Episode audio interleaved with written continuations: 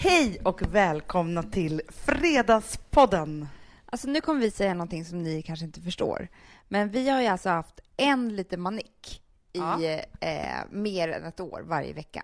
Idag har vi två, alltså varsin. Jag fick just ett, eh, på Instagram så var det en tjej som bara säger Gud, ni måste säga åt er ljudkillar att höja volymen. Och det finns ju inte så många ljudkillar här, utan vi är ju våra egna ljudkillar kan man säga. Nej, precis. Ja. Så att för att beskriva det här så sitter vi nu hemma i din soffa, som vi brukar. Ja.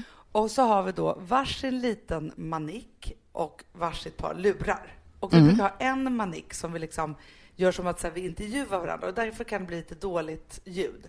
Sen när vi ibland då ska liksom superlyxa oss, det är då vi är hos Anders. Mm. Men idag är superlyx, fast ändå inte. Vi är inte hos Anders, men vi har varsin manick. Ja, precis. Och nu så ska vi spela in. Jag är så himla nervös bara för att jag måste få titta på din manik så att allt är liksom på, på banan. Ja, det, det håller på. Så, snälla. Gör du det? Du ska också göra det. Nej, men jag ska minsann lasra benen och börja äta vegomat. Jag spenderade ju typ tio år av mitt liv att göra mig så ful jag bara kunde för att se om jag blev älskad ändå. Det är för bara så här lägga bomull runt allt det onda. Jag har varit och gjort pilatesmorgonen. Pilateselin duktig du är, körde det skiten ur mig. Ja, Nej. men jag har inte varit där på flera veckor. Jag försöker sluta hela tiden, så får jag bara ett sms där hon skriver att nu, nu kör vi igen. Urbra. Mm. Så jag känner mig så här, ja men du vet, det är inte så ofta jag tränar, men när man väl gör det och så här, jag sticker iväg och så här med bilen och kör en pilatestimma, då känner jag mig som en annan person. Du känner lite så Hollywoodaktig. Ja, och det är ju rätt härlig känsla. Mm. Du, jag har inte heller tränat på en vecka. För Nej. jag har ju varit så fruktansvärt magsjuk. Ja, det var ju som jag, jag tror att jag, du fick ju min och Alex som vi hade. Men jag trodde, men jag bara hoppas att det inte är den, för i så fall så vet man ju att då är det så här typ tre dagar tills Gustav blir sjuk, sen så tre Mm. dagar tills Vilma blir sjuk och sen så kommer vi hålla på med det här. Så jag hoppas verkligen att jag kanske fick någon annan basilusk, för det var ändå en vecka mellan era magsjuka och min. Jo, jo, men det är riktiga körare det här. Men, du, men jag hade ju en annan teori faktiskt om min magsjuka, att jag fick matförgiftning. Mhm. Ja, men det var så roligt, Hanna, för att vi var ute åt middag dagen innan. Du var skitkaxig och bara, jag har köpt någon sån här ångmaskin. eh, Ja. ja. Och bara, alltså nu är jag lite såhär New Yorkers. Jag går till kinesen och köper dumplings. Alltså du var så kaxig över det här så att man kan säga att du hade ångestmaskin hybris. Ångestmaskin. Nej, ång... jag hade köpt en ångestmaskin. jag vet inte vad det är. Nej, det vet jag inte. En ångmaskin. Du hade ångmaskin hybris. Ja, men det kan man verkligen säga. Men och, och, grejen är så här, det är det jag vill komma till. Det började ju så här. Jag och min familj var hemma hos några kompisar till oss som vi kallar för Slites. Det är Mm. våra grannar på Mm. Gotland. Och de, de är sådana människor som jag blir så himla, himla inspirerad av väldigt ofta. De har ju en gång varje sommar till exempel så har de ju en paella-lunch där de gör så här brassa på paella för typ liksom 70 pers och rosévin. Det är så underbart det också och det är verkligen varje sommar. Ja, det är verkligen varje sommar. Och det är samma människor som, som är inbjudna. Och sen så tillkommer det lite, så att de tar alltid en gruppbild också då, utanför deras fina hus på Gotland. Och den där gruppbilden liksom växer från varje år på Facebook. Det är så himla roligt att se. Och det är en lång historia varför vi kallar dem för Slitas, men de är i alla fall underbara människor. Och de är så här, David då, som är pappan i familjen, mannen i familjen, han är den fixigaste människan jag vet, typ. Alltså, han bara fixar och donar. Det är han som håller på med paellan och han är liksom, han är, han är en väldigt rolig karaktär också. Han är, är för att han är väldigt liksom om så kring sig, urgullig, men också väldigt, eh, det är väldigt mycket hela tiden som han Ja, men du står i. ser, du vet när han kommer på middag till oss på Gotland. Nej, men då tar han fram liksom en, en så här eh, bränna gräsmaskin som han går och så här, liksom, som han bara har med sig för så här kul grej. Alltså, det är ju alltid något. Ja, det är alltid något. Och sen så har vi då hans underbara, skitsnygga fru som är liksom dansk. Och bara där börjar mitt intresse. Alltså då börjar liksom, inspirationstentakler börjar liksom bulta lite i mig. Hon är så här snygg och har så här långt, långt hår och behöver aldrig något smink. Nej, Ja, men du vet, och har liksom en stil. Hon har ju verkligen det där som du och jag drömmer om att lyckas med. Hon har ju liksom en genomgående stil i hela sin garderob, så att när hon köper bara ett plagg, då bara adderar hon det till sin garderob istället för att bara säga hon har köpt ett plagg. Du vet. jag köper åtta plagg i veckan som inte hör ihop med något. Ja, och till exempel då, för, för vi var ju då ute på deras land i Stockholms skärgård. Och bara lyssna på det här, Amanda. Vad tror du att Ullis har på sig för något? Jag vet vad hon har på sig. Alltså hon har ett par skitsnygga jeans, svarta. Nej, skinnbrallor. För att hon tycker att det är det ultimata plagget både på landet och i stan. Ja, men typiskt henne. Alltså, jag blir förbannad. men typ, men det hade kunnat varit ett par skitsnygga jeans. Men nu mm. var det så här, mm. strået vassare än det. Du förstår vad jag menar? Mm. Ja, men de är så inspirerande. Och då när vi då, vi kommer ut så här sen fredagkväll, vi ska umgås hela helgen på det fantastiska landstället. Och då är det så att i det här fantastiskt inspirerande köket som man bara dör när man ser, så är det liksom, ja men det är en köksö. Hur mycket hade vi drömt om en köksö? Men det är det enda jag vill ha. Alltså ge mig en köksö och jag är nöjd. Jag skiter nu i altanen. Jag känner att jag drömmer om en köksö. Vet du vad jag drömmer om? Och det sa jag till Alex häromdagen.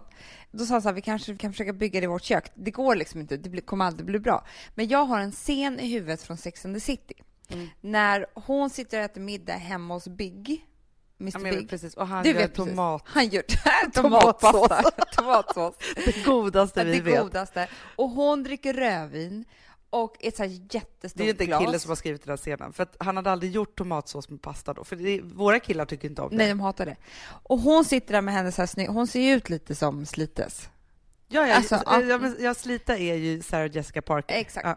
ja. så hon sitter där med ett jättestort glas rödvin. Han dricker också rödvin och står och rör i såsen och låter henne smaka hela tiden. Kommer du ihåg? Ja, jag vet. Ja, och är det, det där, där han friar också då? jag sitta Ja. Och då tänker jag så här, jag vill bara säga det Hanna, att jag tror att vi skulle ha mycket, mycket mer romantiska stunder i det här hemmet om vi hade en sån köksö. Ja, men det är också det att då skulle det också vara så här, när man lagar mat, för jag placerar ofta barnen vid matbordet och de så här, har några kritor och så här, när man lagar mm. mat. Men vid köksön kan alla göra allt. Ja, men skit i barnen Hanna, jag vill inte ha barnen vid köksön. Du... Jag vill ha, jag vill sitta där, eller tvärtom, min man sitter där och sen så vill jag att vi ska mata varandra med tomatsås och dricka rödvin. Alltså, jag det förstår. är det Jag känner mig väldigt tragisk nu, för jag kan tydligen inte tänka några andra tankar, mammatankar. alltså stackars bankis. Ja, skitsamma, men tänk dig då så här, vi kommer ut till det här landstället, köket, köksön, med halva så är det så här en stor gasspis och sen så är det så en brad där man kan liksom hacka saker och sen så är det då bordet och ja, spis. Mm. Mm. Medan vi sitter då runt det här bordet så är ju då Slite så här, han bara, jag bara tänkte att vi skulle göra någonting enkelt. Liksom. Det kommer bli lite olika saker. Ja, och då tänker man ju så här, vad ska det nu bli? Så här, nej, men då sitter vi där så trevligt vid köksön medan han står och brassar. Och vi får då varsitt glas vin och vi sitter där och snackar och barnen äter någonting annat. De är liksom inte riktigt med. Och det han gör då är att han har inte köpt någon ångkokare utan han är ännu smartare för han har liksom, han har med sig bara sitt lilla galler som han bara smäller över liksom kastrullen och lägger dumplingsarna i så att de bara håller på att ångkokas lite. Och det är salmalaxen och det är wasabi-majonnäsen och samtidigt så bara har han en wokpanna där han bara gör lite chop chop kål som han Sluta. också köpt på liksom den asiatiska marknaden. Och så bara gör han en liten spontan sås till det. Var ligger den asiatiska marknaden? Nej, men, vet inte. men förstår du så här, alltså jag var ju så här, alltså det var så gott också, för du förstår du också fredag kväll, man åkte ut till något land, det är mörkt Nej, ute. jag fattar precis. Ah, så. Det är det där man drömmer om. Ja, men sen så gjorde du i alla fall Nej, men lyssna du, och då ja. i alla fall, så typ så här helgen efter, ja, men då smög jag ju till the Asian market runt mitt, mitt hörna. Och så, så köpte jag då en så här ångkokare med två våningar. Jag köpte dumplings, jag köpte salmalax. Jag gjorde allt det här till min svåger och svägerska som kom på middag. Urlyckat liksom så. Jag bara wow, jag börjar kunna det här nu med asiatisk mat. För du vet hur dåliga vi är på mm, det. jag vet. Ja. Helgen efter, jag bara tänkte så här, nej men vi vill ha lite plockmat. Vi kör dumplings. så jag ber Gustav köpa de här sakerna. Och det var inte samma dumplings riktigt. Men i alla fall. Så att, och, jag bara, och då tänkte jag så här, för att jag hade skrivit om det här i bloggen och tuffat mig med det här. Sen hade jag fått så mycket liksom, kommentarer på hur det där var, så jag tänkte det är nu jag kör det här på Instagram. Big time. Alltså hur jag lagt upp det här och mm. jag verkligen dumplingsskröt. Dampade på Insta. jag var liksom dumplingsarnas mallgroda nummer ett. Alltså så och bara nu gör vi lite fredagsmys här och jag är så speciell och så och låtsades typ att jag var slitas. Nej, men och så äter vi det här. Klockan tio känner jag att jag mår inte alls bra. och går och lägger mig. Klockan 12 vaknar jag och då är det värsta kräksjukan. Det enda jag kan tänka på är de här jävla äckliga dumplingsarna. Jag skrattade ju när jag fick höra det här. Att du hade kräksjuka. Att du hade blivit matförgiftad av dina dumplings som du hade skrytit med så mycket. Men Amanda, varför händer det här så ofta med mig? Det är så här, om jag blir superinspirerad av någon och så tar jag verkligen sats och ska jag ta in det här i mitt egna liv. Då är det som att liksom universum bara, men skärpt, lugna dig! Vad trodde du? Jag bara, nu måste vi stoppa det här med en kräksjuka liksom. Där fick du! Tror inte att du kan hålla på, eller hur? Nej, jag vet precis. Men och då undrar jag, varför blir det så här i mitt liv, Amanda?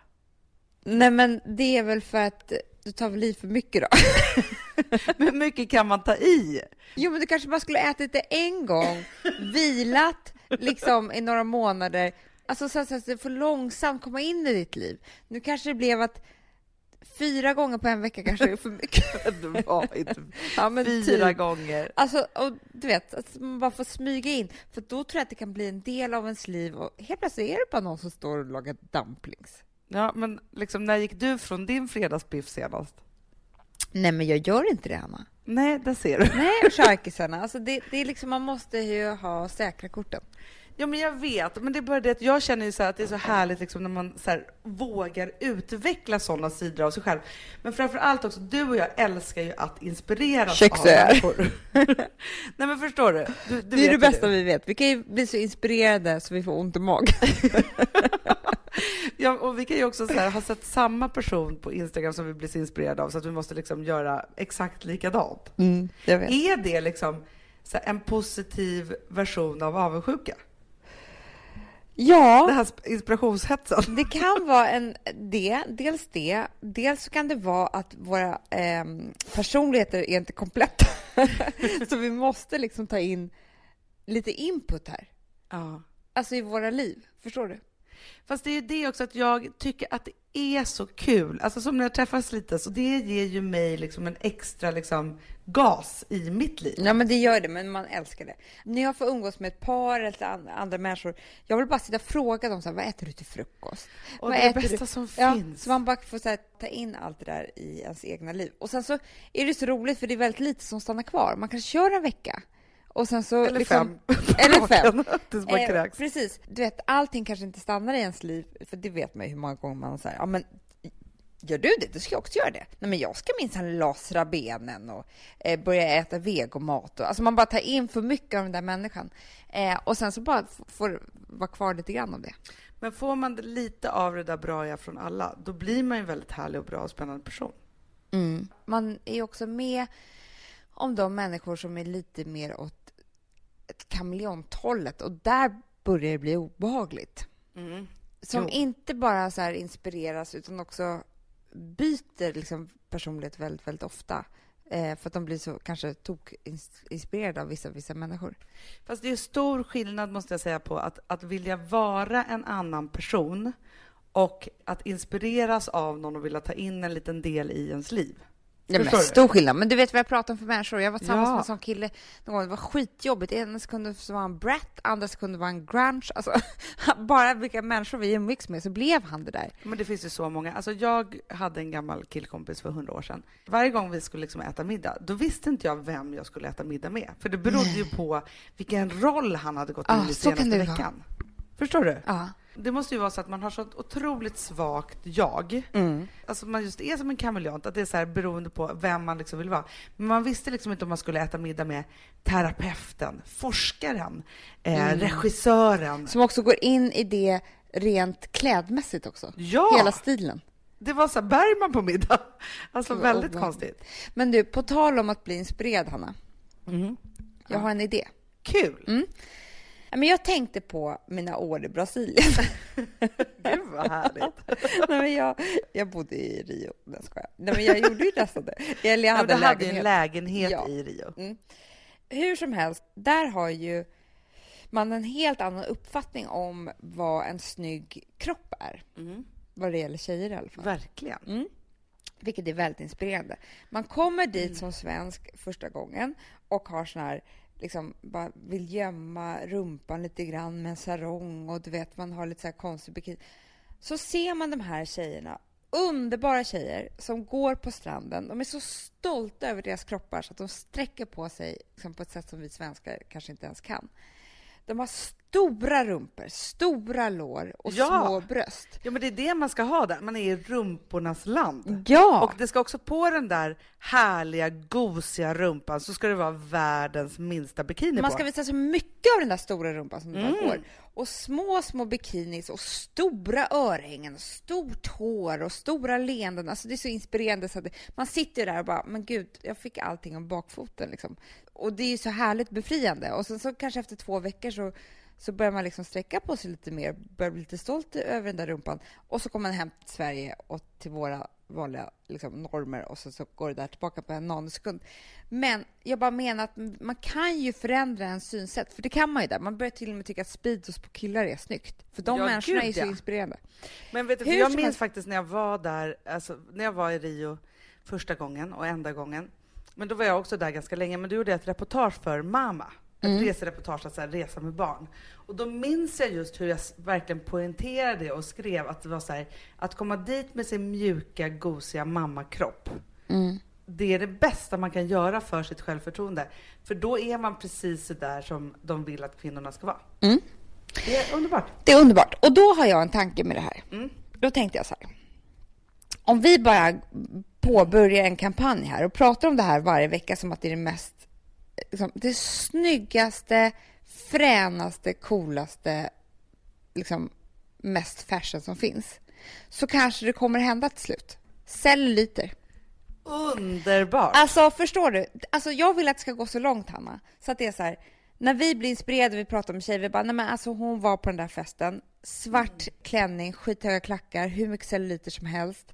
Alltså att det blir... Ju mer celluliter desto snyggare är man. Vem fan är det som har hittat på att det är någonting konstigt? Nej men jag menar ju det. Det är någon, förlåt, man som kanske hittade på det. Eller så är det vi elaka kvinnor som vill vara elaka mot varandra. Ja, men man vet ju inte det.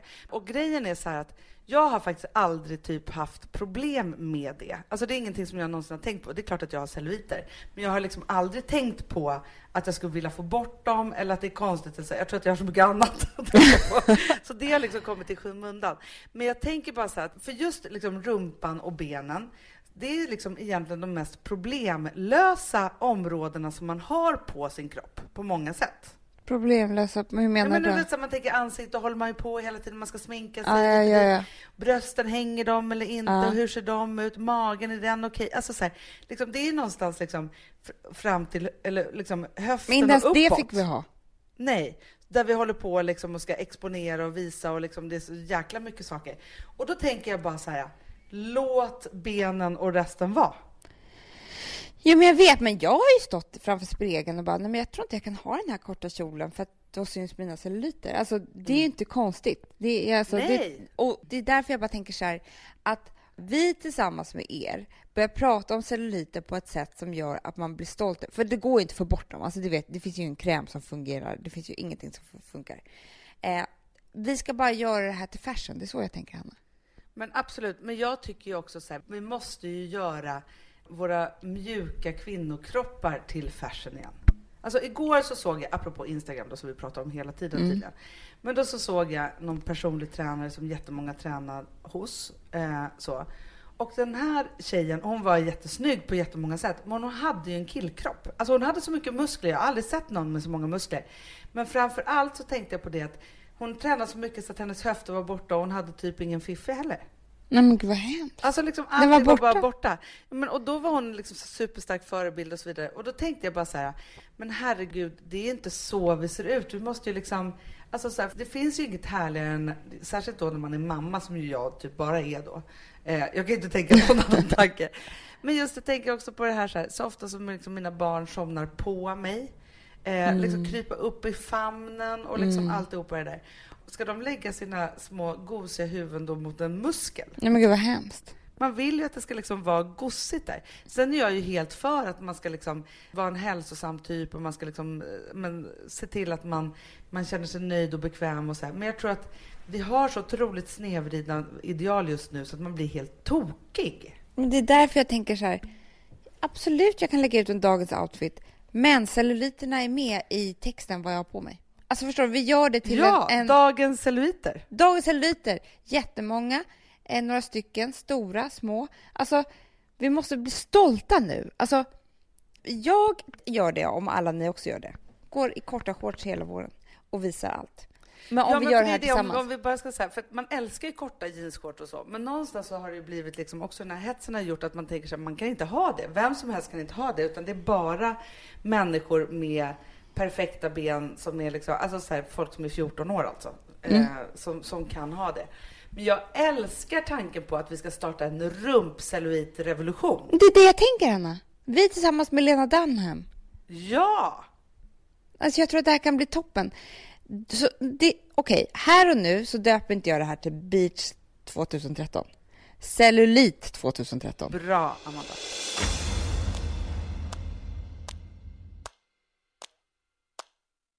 Vi är sponsrade av Synoptik och deras glasögonabonnemang All Inclusive. Alltså det här är ett genidrag.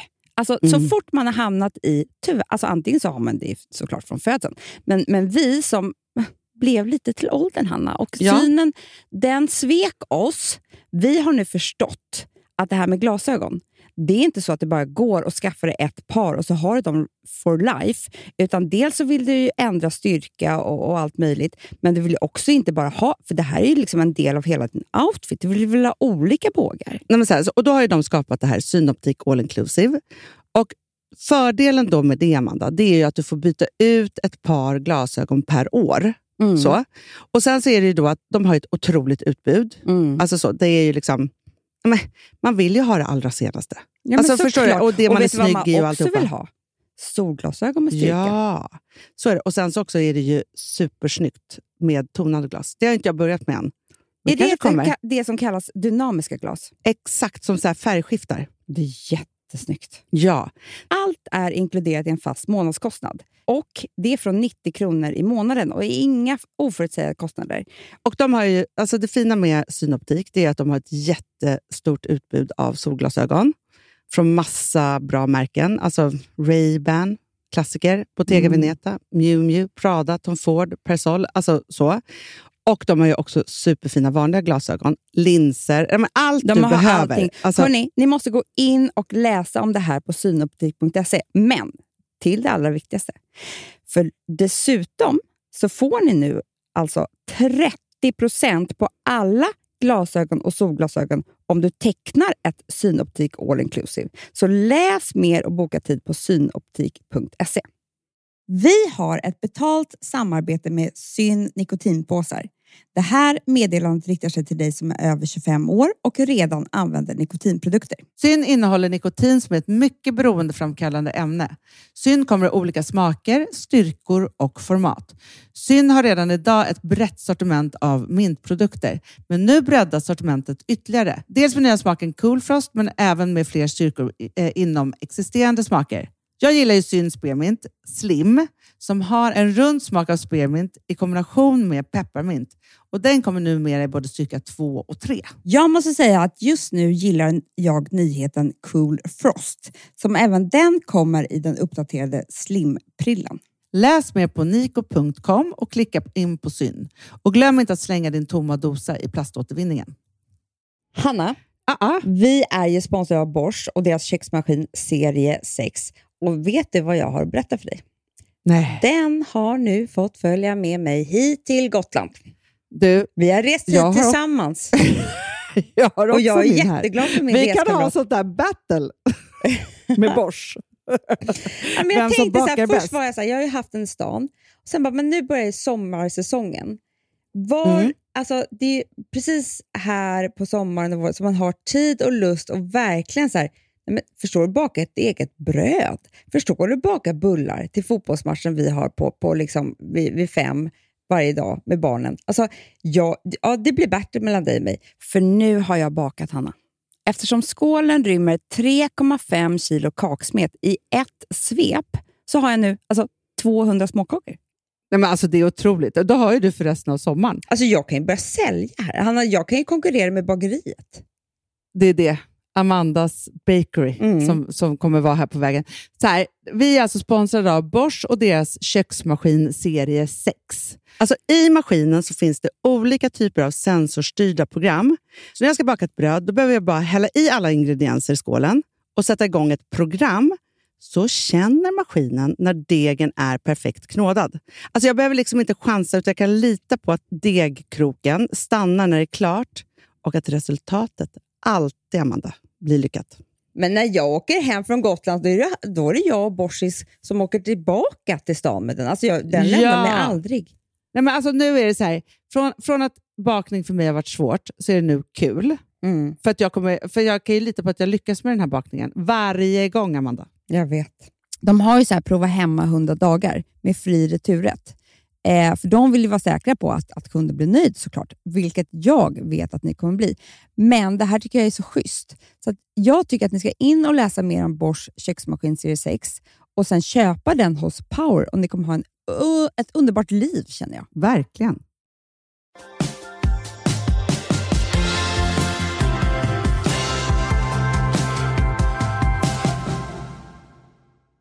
I min bok Sex and mammaliv, Mm. där skrev jag om att mamma sin kille och att jag aldrig mer skulle göra det. Mm. På en, ett mors dag-text. Liksom så. Och så var det en tjej som bara sa, gud kan inte du och Amanda prata lite om det i podden? För att jag liksom, Mm. kan inte liksom gå djupare in på det och jag gör det och jag fattar man hamnar i det så lätt och så vidare.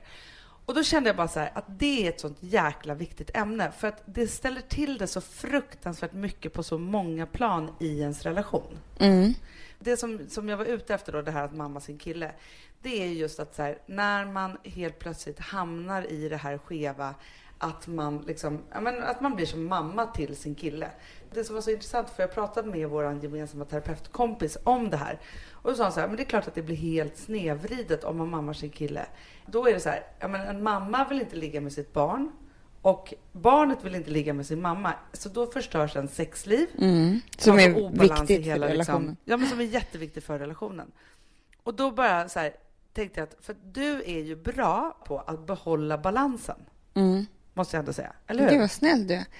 Ehm, ja, men jag tror att det viktigaste i det här, som man lätt hamnar i, att när, när man har hamnat i en roll, vilken roll det nu än är, och nu då man har blivit mamma till sin kille. Det första som händer är att man blir arg på den här personen. Vad, vadå, du klarar inte av det här själv och jag, jag liksom, eller hur, jag måste mamma dig hela tiden. Mm. Ha, nu får det fan bli ändring på det här och så ställer man krav på den killen. Det funkar inte. Du eller hon måste ta den andra rollen innan. Alltså, för att han ska flytta på sig och inta en annan roll så måste du först ta den andra rollen. Förstår du vad jag menar? Ja, precis. Här, det viktigaste i livet, tror jag, som man ska lära sig, nummer ett, det är att man kan inte förändra en annan människa. Nej. Man kan bara förändra sig själv. Och det är så sorgligt. Alltså, kanske att man har makten över sina barn, att så här, försöka förändra dem lite grann under årens lopp. Men man kan inte förändra sin man. Eller så här. Han kanske kan förändra sig själv, men du kan ju bara sluta vara mamma för att han ska sluta vara ditt barn. Ja, och det är en tuff grej att gå igenom, för det här kommer inte hända på en kvart, att han helt plötsligt börjar diska och dammsuga eller vad det nu är han ska göra, eller ta ansvar eller Mm. så. För det här är ansvarsfördelning ofta som det handlar om. Mm. Och det är superskönt om man är en lat person. Om den ena då börjar vara liksom mamman eller pappan i den här relationen. För jag tror också att det är väldigt vanligt tvärtom. Att det är killen som tar för mycket och man blir liksom som ett barn liksom med sin man, liksom, eller den som man, som man lever med. Eh, så. Och då behöver man ju liksom göra samma sak där också. Men just det där att då måste man stå ut med att liksom under förändringen när man själv förändrar sig så måste man stå ut hela vägen för Det att tror jag också. skillnad. Men jag tror också att det blir så att man man får aldrig glömma, och det är det som är så svårt när man är arg, men börja tänka på hur den andra personen känner. Han känner sig antagligen väldigt otillräcklig. Ja. Man kan tänka på att han är en lat jävel. Men så är det nog inte. Alltså jag kommer ihåg, jag hade en kille som var väldigt ehm, pedant. Mm. Och det är ju inte jag. Nej. Nej. Vilket gjorde att när jag städade, då gick han efter mig med en trasa och torkade det jag hade torkat. Ja, men det, För det var finns liksom ju inte- ingenting som är så, så respektlöst. Faktiskt. Nej, det var inte torkat bra nog. Ah. Och du vet hur man blir då? Då blir man så här, fuck off, jag kommer inte ta den här trasan mer. För att jag gör det tydligen inte till- tillräckligt bra. Mm. Om han hade velat att jag skulle liksom börja städa bättre, då hade ju han fått kliva tillbaka ett steg. Jo men det är ju så. Hamnar man i den där relationen från början, för ibland så är det ju också så här, är man kontrollperson som jag är och liksom vill ha ordning och reda på saker och ting, då är det också så ganska lätt att man går in i en sån relation med de positionerna från början fast man inte riktigt vet om det. Och sen måste man ju verkligen liksom bara släppa taget mer och mer och bara liksom ge över ansvaret. Så är det ju. Ja, men så är det ju. Och man måste också uttala saker högt. Man kan inte gå och tänka och hur ska det här vara och nej men nu ska jag minsann inte göra så här och så här. Bara säga det. Jag kommer inte ta disken mer. Jag tänkte att du skulle göra det. Och sen måste man ju bara låta det vara. Ja, sen kan man inte ta över dag, dag två för då är det kört. Nej, men jag minns så himla väl när, i min eh, eh, förra relation som jag var i, så var det just det att det blev stökigare och stökigare och stökigare. Och på den tiden, vi hade en städerska som städade hos oss typ en gång i veckan. Och vi hade liksom en ekonomisk också diskussion där jag betalade allt. Och det var så här, inte nog med att jag betalade det, jag var också den som städade och det var så, alltså allt var liksom, jag var så jävla arg på det här och jag bara var så här, så att jag ströp och var så här, nej, nu från och med nu så, så liksom kommer inte vi ha någon hjälp med det här, utan vi kommer städa själva. Och så var jag så här, verkligen gjorde liksom ett statement i det här och första veckan då så var det så här, men nu så städar jag på söndagen. Du får gå iväg med barnen. Jag städar hela lägenheten. För det tar ju verkligen sina timmar när man ska liksom göra den där tokstädningen. Liksom så.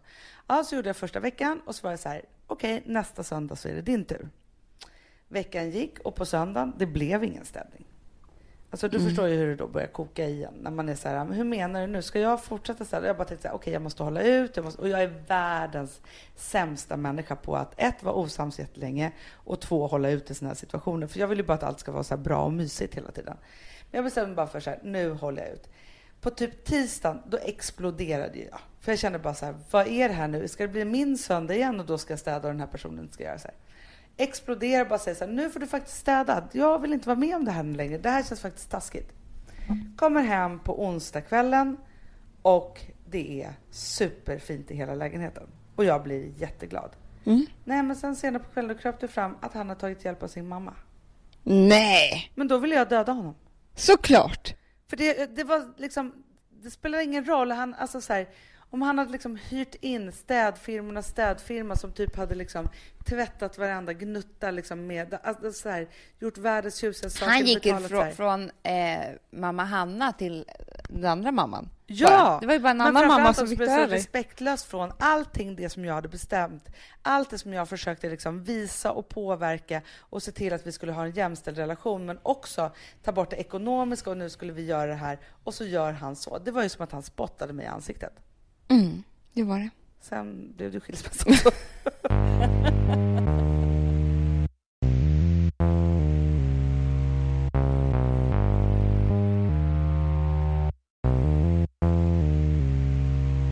Vi sponsrar av Swiffer. Ja! Och nu är jag så glad, för att Alex har ju eh, liksom varit väldigt arg på mig i sin podd. Mhm. Alex och Sigge-podden, eller vad den heter. Vi- vad- vad är det För att för han podd? säger att jag inte städar. Va? Och då står det i kommentarerna, "Må, det är så ro- det här visar han mig. Det är så roligt att Amanda gör städreklam för Swiffer nu när vi vet att hon inte städar. Hanna, eh, eller alla lyssnare, hörni. Det Alex talar inte sanning. Allt han säger men är inte också du, sant. Vet du hur, jag, hur mycket jag ser dig Hanna, städa? det är väl nästan, Hemma på Gotland, överallt. Och nu ska inte jag vara sån. Det, det gör jag verkligen. Men det är också alltså, min roligaste hobby. Alltså Det är så bra. Det, dessutom så har det så god doft, det måste jag bara säga. För jag är ju doftkänslig. Men då får du liksom ett paket med torra eller blöta, vad säger man, tras, eller handdukar eller tras. Eller, Swiffrare. ja, Ja. För jag läser här då vad som ingår när man köper. Då är det så här, Swiffer golvkit. Ja. Inklusive våta och torra refills mm, samt Swiffer dammvippa inklusive den är refills. jättebra. Ja. Men då sätter du bara den här och så klistrar du på det här. Det är jätteenkelt.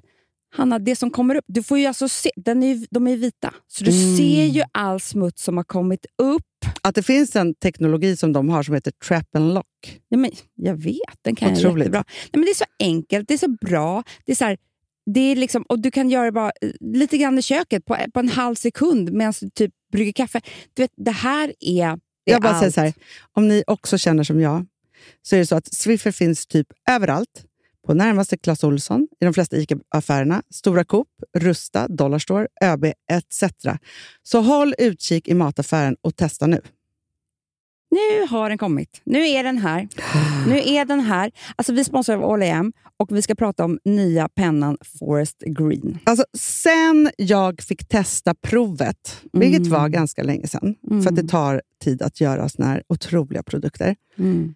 Nej, men jag har tjatat en gång i veckan som, liksom, som en galning, för att det är så här, när kommer den gröna kajalpennan? Nej, men du vet Fanny, som jobbar på AM, Ja. hon fick ju sluta använda pennan. För att hon använde den och filmade och alla frågade "V- vad, är det för färg? Men hon hade ju bara ett prov. Nej, men alltså så här, grejen är att vi, gjort, vi har gjort, vi har ju svart och brun, och sen så har vi ju grå och sen så har vi midnight blue.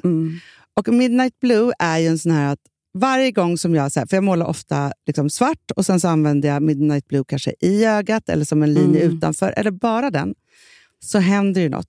Och med blicken. Ja, ja. Och det är samma med den gröna.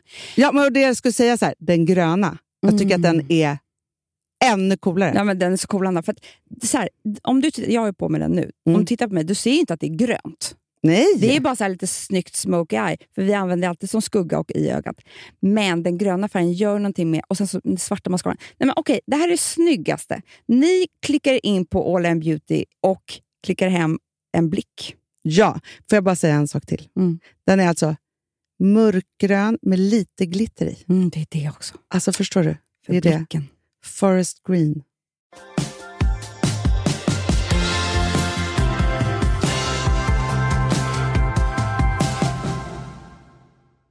Jag kommer ihåg när du var 15 år och var hemmafru.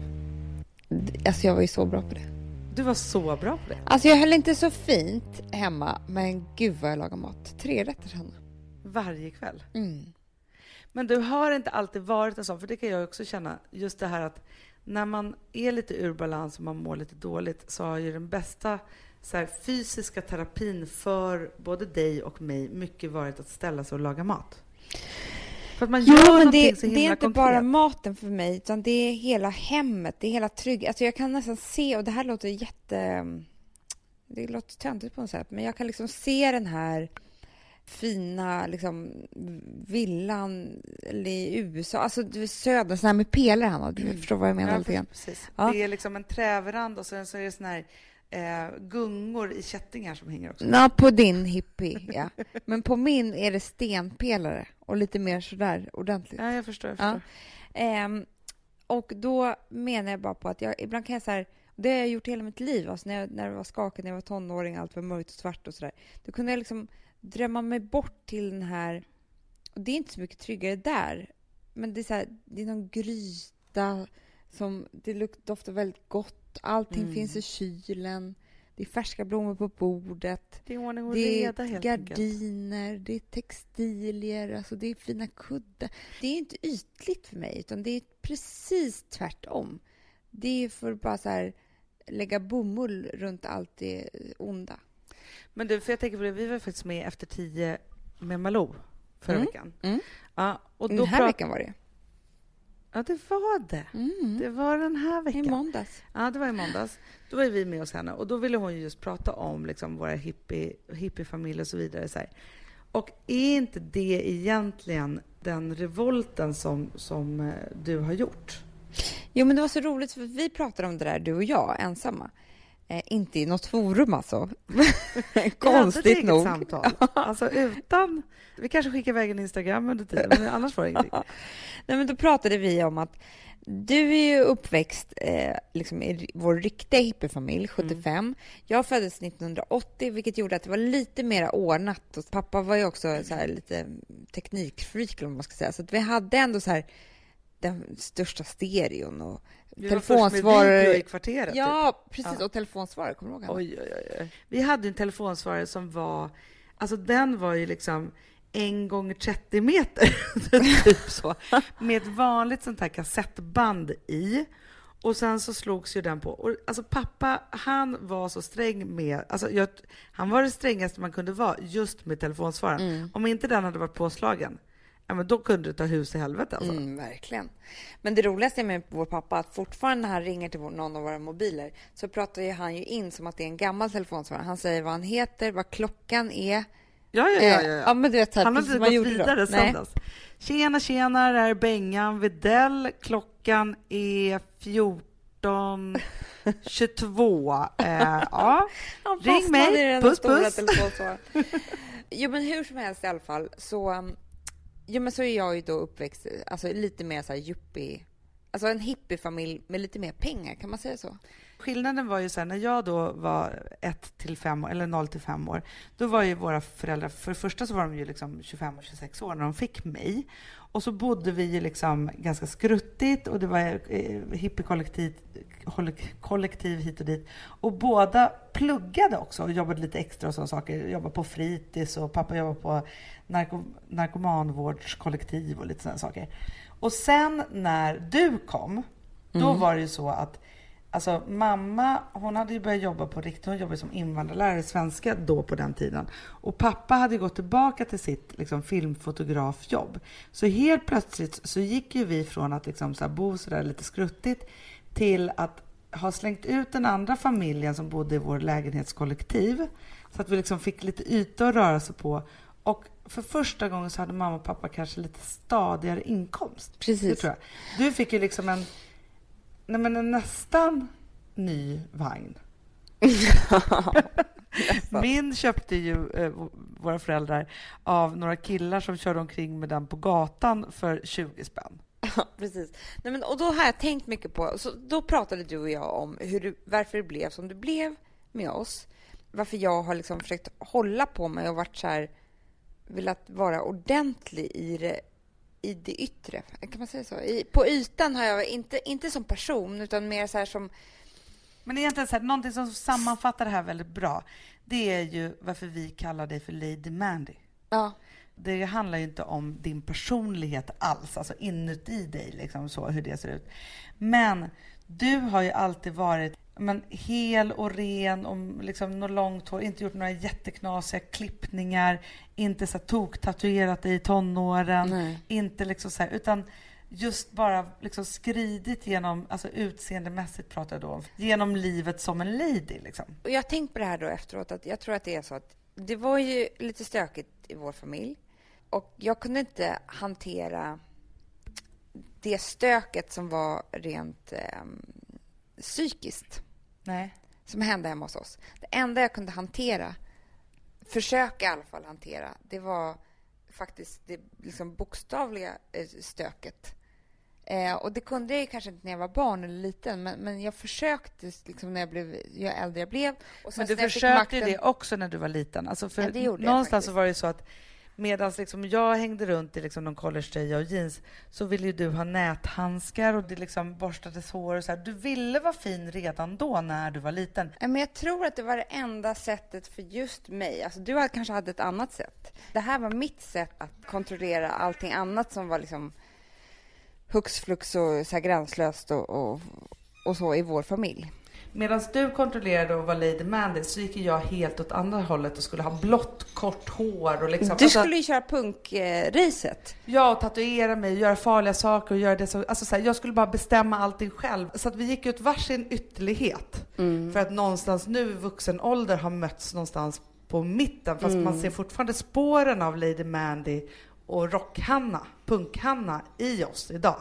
Så är det ju verkligen. Men alltså, faktiskt så tror jag att det var nog inte förrän jag så här, träffade Alex och blev mamma och eh, ja, någonstans där som jag kunde börja släppa på mig lite grann. Alltså, så Nej, men för jag minns ju när, när Amelia och jag för ett par år sedan så bestämde vi oss för att vi skulle göra en systertatuering. Både jag och Amelia har ju ganska liksom, många tatueringar. Och bara gick loss på det där, vi skulle göra likadana och så ringde vi till dig och bara häng på! Och du bara absolut inte. Nej, men det var det värsta jag kunde tänka mig. Och det var ju liksom ett, en osund... Alltså visst, man kan ju vara så nej men gud, jag vill inte ha en tatuering. Så behöver det inte vara. Men för mig var det liksom någon form av skräck i det där. Att jag kunde inte släppa på det, för då, jag vet inte vad som skulle hända då. Jag vet inte vad som väntade på andra sidan på något sätt. Men jag känner också, det här är så himla töntigt, men jag, jag gjorde en liten tatuering när jag och Alex gifte oss. Som jag gav i morgongåva till honom. Ja, men så det finns ju någonstans i mig och det var så skönt när jag kunde liksom släppa in lite rock'n'roll i mitt liv. Och hur kändes det då när du liksom släppte loss? Kände du så här, att du liksom gick tillbaka till... För, för någonstans, jag förstår att du, det där var ju din protest på något sätt mot liksom hur hela vår familj var. Ja. Och helt plötsligt när du då släppte in det lite eller tillät det att vara lite så, då måste det ju varit för att du har kommit till ro med att det inte är det som egentligen var det där kaoset. Men Så måste det ha varit. Alltså jag kände mig mycket mera hel. För att eh, jag tror inte att det där var hela jag. Alltså den där fina ytan. Det var ju inte... Nej, det satt framförallt inte så mycket ihop med det som du är inuti. Nej men precis. Att jag tror att, att jag kände mig mera eh, liksom, hel som person. Och jag kände så att jag fick en mer... Alltså, men, och det tror jag också har lite med åldern att göra. Och det, det, kanske, det här kanske inte hör ihop, men jag känner ju väldigt starkt att med två barn och så här, att man har kommit mitt i livet, så här, att man ska välkomna så mycket rock'n'roll man bara kan.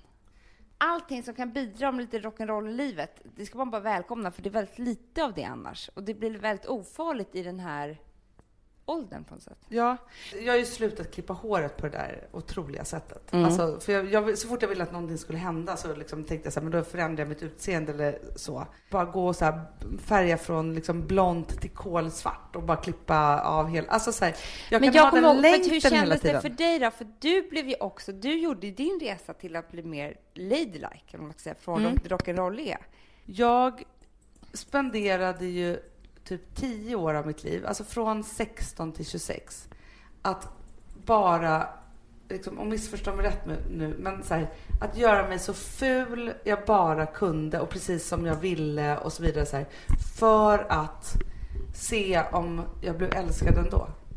Mitt i allt det här liksom stökiga och rock'n'rolliga och liksom, visst liksom hippieaktiga och så vidare så, här, så fanns det ändå alltid liksom en väldigt så här, stark uppmaning till att man skulle vara jäkligt snygg och jäkligt perfekt och liksom sådana saker. Och vi fick till exempel inte gå och klippa oss för vår pappa. Det var ju liksom strängt förbjudet. Vi skulle ha långt hår. Mm. Jag minns så himla väl hur jag en gång hade klippt mig själv och rakat liksom av mina polisonger. Alltså han blev så arg så att det var helt vansinnigt. Och då var det så här en jätterevolt från min sida att vara så här, jag gör vad fan jag vill med mitt utseende, det ska du ha klart för dig. Vilket gjorde, istället då för att göra sig så fin som möjligt, så gick det lite liksom åt andra hållet. Att verkligen inte så här, kanske sköta om sig själv så mycket, men också vara så här, ha punkfrisyr och liksom klä ner sig och liksom inte, alltså så här, Sen så älskar jag ju kläder och jag älskar att göra mig snygg också. Så att det liksom, det blev väl kanske en ganska bra blandning av det. Men du vet ju hur det var med mina, liksom ena dagen Marilyn Monroe, platinablond lockar och nästa dag swimmingpools blå, blått, liksom hår i tuppkam och så vidare. Så här. Och jag tror någonstans att det tog liksom tio år för mig att komma till bukt med det och också när jag också insåg där någonstans att det här gör jag ju också för att göra någonting mot någon istället för att bara vara jag.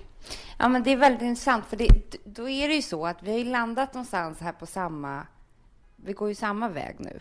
Det måste ju blivit så att vi har blivit mycket friare i att inte koppla ihop det yttre med det inre. Exakt. Vi pratar om det ibland och jag har skrivit om det en del också. Just det där så här, hur du skulle hjälpa mig att vara mer prinsesslik. Och jag tog med dig till Hultsfredsfestivalen. Alltså så någonstans så har vi haft som vår största uppgift att ta varandra ut ur det där och visa andra saker. Så det är inte så att vi har hatat det direkt, utan det har varit så Nej, här, vi lär mig, ju- hjälp mig. Ja, för att man har förstått att det ska liksom bli andra saker. Så egentligen, det här att du och jag slog ihop och blev Hanna och Amanda tillsammans. Det är den ultimata mixen av Lady Mandy och punkaren. Det är det verkligen. Vi fick något av varandra också. Ja, men och också så här, när vi gjorde det, då var det på något sätt så här, vi är inte rädda för de där olikheterna längre. Underbart. Ja. Ja, nu ska eh, Lady Mandy och Punk-Hanna till helg. Jag har hört att det ska bli fantastiskt väder. Mm, Det hör man ju hela tiden. Hörni, ni är vår, solen på våran himmel i alla fall. Ja, det är ni. Vi älskar er så mycket. Det ska ni veta. Ja. Ha en också. underbar helg. Puss och kram! Puss och kram.